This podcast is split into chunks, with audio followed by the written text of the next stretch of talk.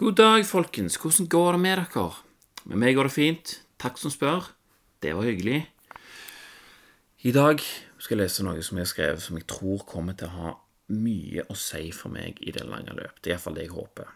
Jeg har tenkt på dette her igjen det siste året spesielt. Eh, ikke sånn voldsomt gått dypt inn i det før nå, men det har liksom vært en sånn tanke som har eh, føket fram og tilbake inn i hodet mitt. Jeg leste et sted at om du har tenkt på noe tre ganger på ei uke, så må du skrive om det. Høres ut som en fin regel, og det er òg en regel som tilsier at jeg burde ha skrevet om dette for lenge siden. Jeg har et alkoholproblem. Ikke på den måten du kanskje først tenker, men på en måte som jeg sjøl tenker. Jeg har et problem med hvordan jeg skal forholde meg til det. Jeg liker det når jeg drikker, ja, men jeg liker ikke hvordan jeg blir etterpå. Kanskje ikke noen stor overraskelse, det heller, men her òg er det på en litt annen måte enn du kanskje først tenker. I morgensidene mine så har jeg mange ganger skrevet om hvordan jeg blir påvirka i tiden etter jeg har drukket, og hvordan det spiser opp kapasitet til å skrive noe fornuftig. Jeg har kommet fram til at det tar meg rundt fem dager å komme tilbake til baseline fra en festlig anledning med alkohol. Og jeg vet det fordi at eh, jeg over lang tid har opplevd det nesten hver gang. Siden jeg også skriver hver morgen, så er det lett for meg å, å merke og sjekke hvor, uh, hvordan jeg påvirkes, og hvor lang tid det tar før jeg kjenner at jeg er tilbake der jeg var. At vel ofte så skriver jeg sånn Jeg begynner alltid med å skrive sånn 'God morgen', og så bare sånn 'Åh, fytti katta, er skikkelig sliten ennå, så det er tirsdag, men uh, jeg hadde en fest på lørdag, liksom, men jeg er ennå ikke kommet meg Sånne ting skriver jeg da. Sånn, Det er tungt og seigt i flere dager. Og først på torsdagen pleier jeg å kjenne at det, det har gitt seg helt. Og da skriver jeg jo det òg. Nå, endelig kjenner jeg Nå begynner det å komme seg. For det er jo ikke bare alkoholen, vet du, sant vel. Den gir seg jo relativt kjapt, den, altså. Men det er jo forstyrrelser i søvnmønsteret som bidrar til at eh, system 2 blir svekka, som fører til at jeg de neste dagene tar valg som forlenger tiden det tar å komme tilbake til den rutinen som jeg var i. Er du med på tanken? Hvis jeg har drukket vin på en lørdag, har jeg òg eh, muligens lagt meg noe senere enn vanlig. Neste dag så er jeg jo da trøtt, får kanskje lyst til å campe i sofaen og spise noe godt så raskt ungene er i seng om kvelden. Og da får jeg jo ikke gjort alt klart for meg sjøl til, til mandags morgen osv. Så, videre. så blir det en stressende morgen, så fører det til at jeg gjør bla, bla, bla osv. osv. Det tar noen dager. Uh, og I tillegg så går det jo sjelden mer enn én en måned uten at det er noe som skjer som innebærer alkohol. Tidligere så har det jo vært hinsides mye mer, som når jeg var student, f.eks. Da var det jo eh, torsdag, fredag, lørdag i hvert fall. Og når jeg pleide å lage øl sjøl, f.eks., det fant jeg ut at jeg bare kunne slutte med. Men var noen venner som lagde øl, det var sosialt, det var kjekt, men det var alltid mengder med øl i kjelleren. Og det var det jo veldig kjekt å servere når det kom besøk, eller gi vekk når jeg kom på besøk. Sant? smak denne her, så smaker vi den etterpå. Det var alltid en øl òg til meg i kjelleren, om jeg følte at jeg fortjente det. Alt dette her var kjempegøy, men det førte til at det ble oftere enn jeg ville det skulle være. Og jeg skrev nesten ingenting hele sommeren i fjor, f.eks., for eksempel, fordi at hyggelige kvelder og seint i seng litt for ofte førte til at, eh, at jeg ikke kom på en måte inn igjen i vanen min på den måten. Det er tungt å komme over både for kropp og sinn, dette her, og jeg trenger begge deler for å kunne gjøre det som jeg vil. Jeg vet at det er vanlig å drikke alkohol i større eller mindre grad i helger og ved festligheter. Sant vel? Det kan sies at det er en del av kulturen vår. Det er en del av kulturen vår.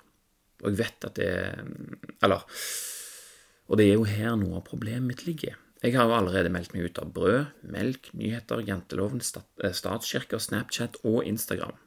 Alt dette her var lett i forhold til det som nå står for tur, føler jeg, da. Sant? Dette er jo sånn som jeg føler det. Det er jo ikke vanskelig for noen som aldri har drukket. Men det, det, er kanskje mest fordi at um, det er vanskelig for meg å stå imot gleden til folk som vil at jeg òg skal være med å drikke. Er det med på tanken? I tillegg så syns jeg jo selvfølgelig at det eh, sjøl at det er gøy.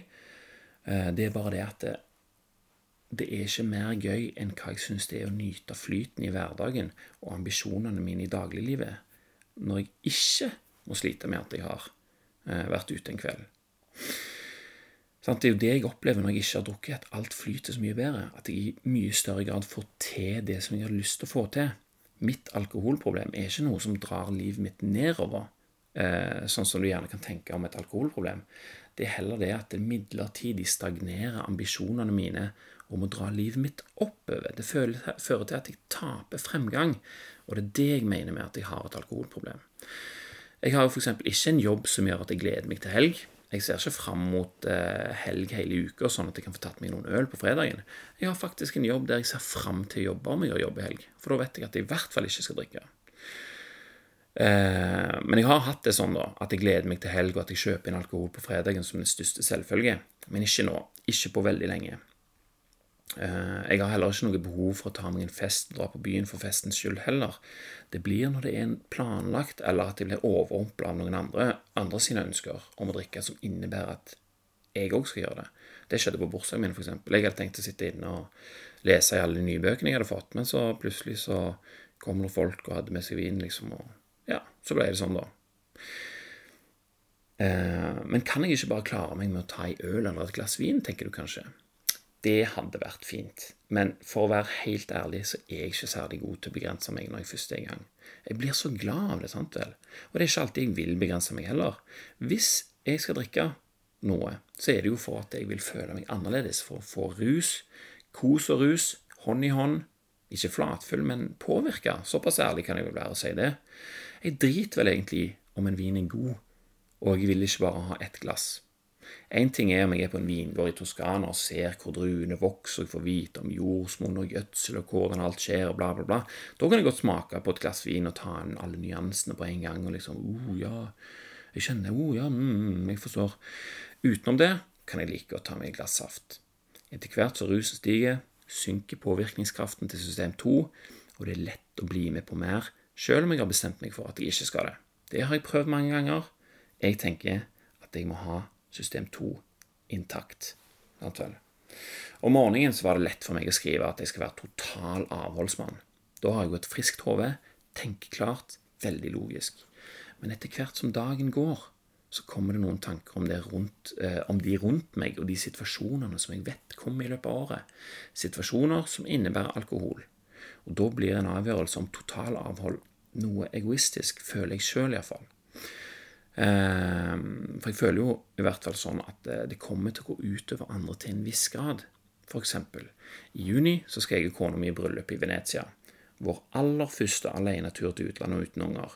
Og i Italia har de ikke bare god vin, men de har også god mat. Så passer det god vin. Kona mi kommer som sagt til å være der, og jeg vet at hun ser fram til at vi skal drikke vin og spise god mat.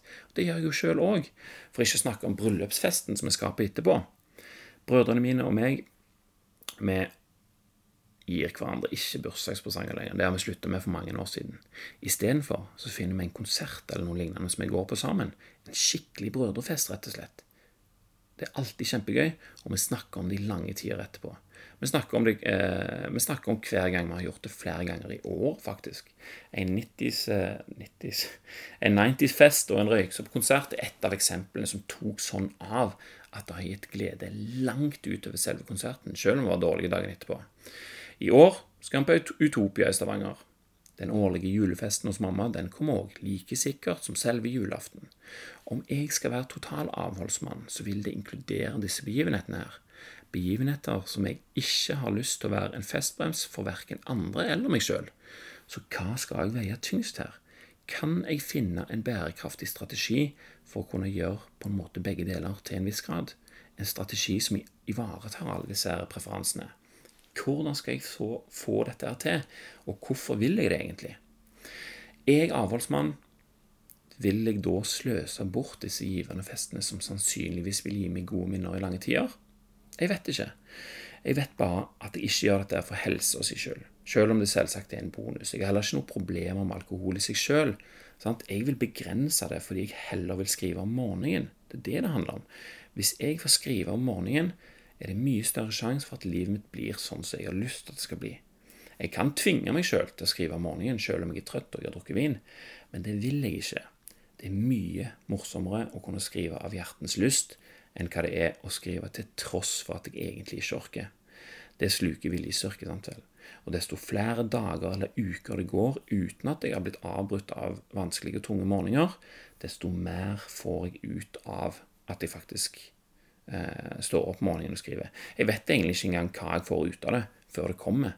Sant? Så det er en sånn ganske uklar investering, egentlig. Men det samme kan jeg ikke si om alkohol. Der vet jeg etter hvert ganske sikkert hva jeg får ut av det. Fem dager, som jeg sa. Så nå har jeg altså nevnt tre ting som skal skje i år, som jeg allerede vet om. Ehm, jeg vet at de begivenhetene kommer til å gi meg god avkastning, og det kan hende at det er verdt å tape noen, dager med skrivning for å være med på disse tingene. Skikkelig, liksom. Ikke bare sånn 'ja, vær med', men 'nei takk, jeg drikker ikke'. Men skikkelig ta meg en god fest, liksom. Jeg har ikke noe problem med det, jeg. Og siden jeg vet at jeg trenger fem dager for å komme meg, så kan jeg vel bare legge det òg inn i kalenderen. Én fest koster fem dager, rett og slett. Alle disse begivenhetene her er av en karakter som jeg vet jeg kommer til å få veldig mye igjen for. Og det er ikke bare en tilfeldig eh, kveld på byen eller en flaske vin hjemme. Sant? Det får jeg ikke like mye igjen for. Men kan jeg klare meg med bare disse tre og være avholdsmann resten? Det er det som er spørsmålet. Og for å si det så enkelt som det faktisk er, så er det jo bare én måte å finne ut av det på. Jeg må prøve. Resten av året skal jeg kun drikke under disse tre begivenhetene her. Men nå kommer jeg jo på en annen ting. Jeg legger òg inn en ekstra hvis det blir noe av langhelga til England, som det har vært snakk om. Pub til pub på landsbygda i Norwich med mamma og Paul Brown, min stefar som også er derfra. Kanskje brødrene mine også skal være med kona mi. Det er en begivenhet som er verdt noen dager uten skriving. Ok, tre, kanskje fire blir det da. Jeg kjenner at jeg gleder meg til å finne ut hvordan dette her går. Vil det ha den effekten jeg ser for meg at det kan ha? Er det et steg i retning av å bli pro? Pro, altså Steven Pressfield. Steven Pressfield. Si bok Turning Pro, den har jeg tenkt mye på i forbindelse med dette. her. En god bok om du har lyst til å gjøre noe mer enn å bare arbeide og leve, hvis du vil være kreativ i tillegg. Steven han brukte sjøl mange år på å bli pro. Det var ikke lett. Han er forfatter, men du kan bli pro i, i nesten hva du vil. Eller du kan bli pro i hva du vil. Og når jeg leste boka, så tenkte jeg at jeg òg har lyst til å bli pro. Pro på et eller annet. Det være Og det har egentlig vært en ambisjon siden det. Å være pro betyr at du ikke bare gjør ting når du vil. Det betyr at resultatene eh, som du ønsker, kommer av arbeid og dedikasjon. Ikke noe venting på at det på magisk vis skal eh, komme tid til å skrive, at det skal komme lyst til å skrive, at det skal komme inspirasjon til å skrive. Dette er det du som er ansvarlig for. Det er ikke noe lottogevinst, dette her. Det er som en jobb. En jobb som man investerer i. Som vil si at man investerer i seg sjøl. I boka så står det at om man er pro, så kan man ikke bare gjøre ting ut av det blå i det øyeblikket man har lyst. Man har en forpliktelse som det innebærer at tas seriøst. Jeg har flere ganger tenkt at eh, fra nå av så er jeg pro, men jeg er ikke noe pro.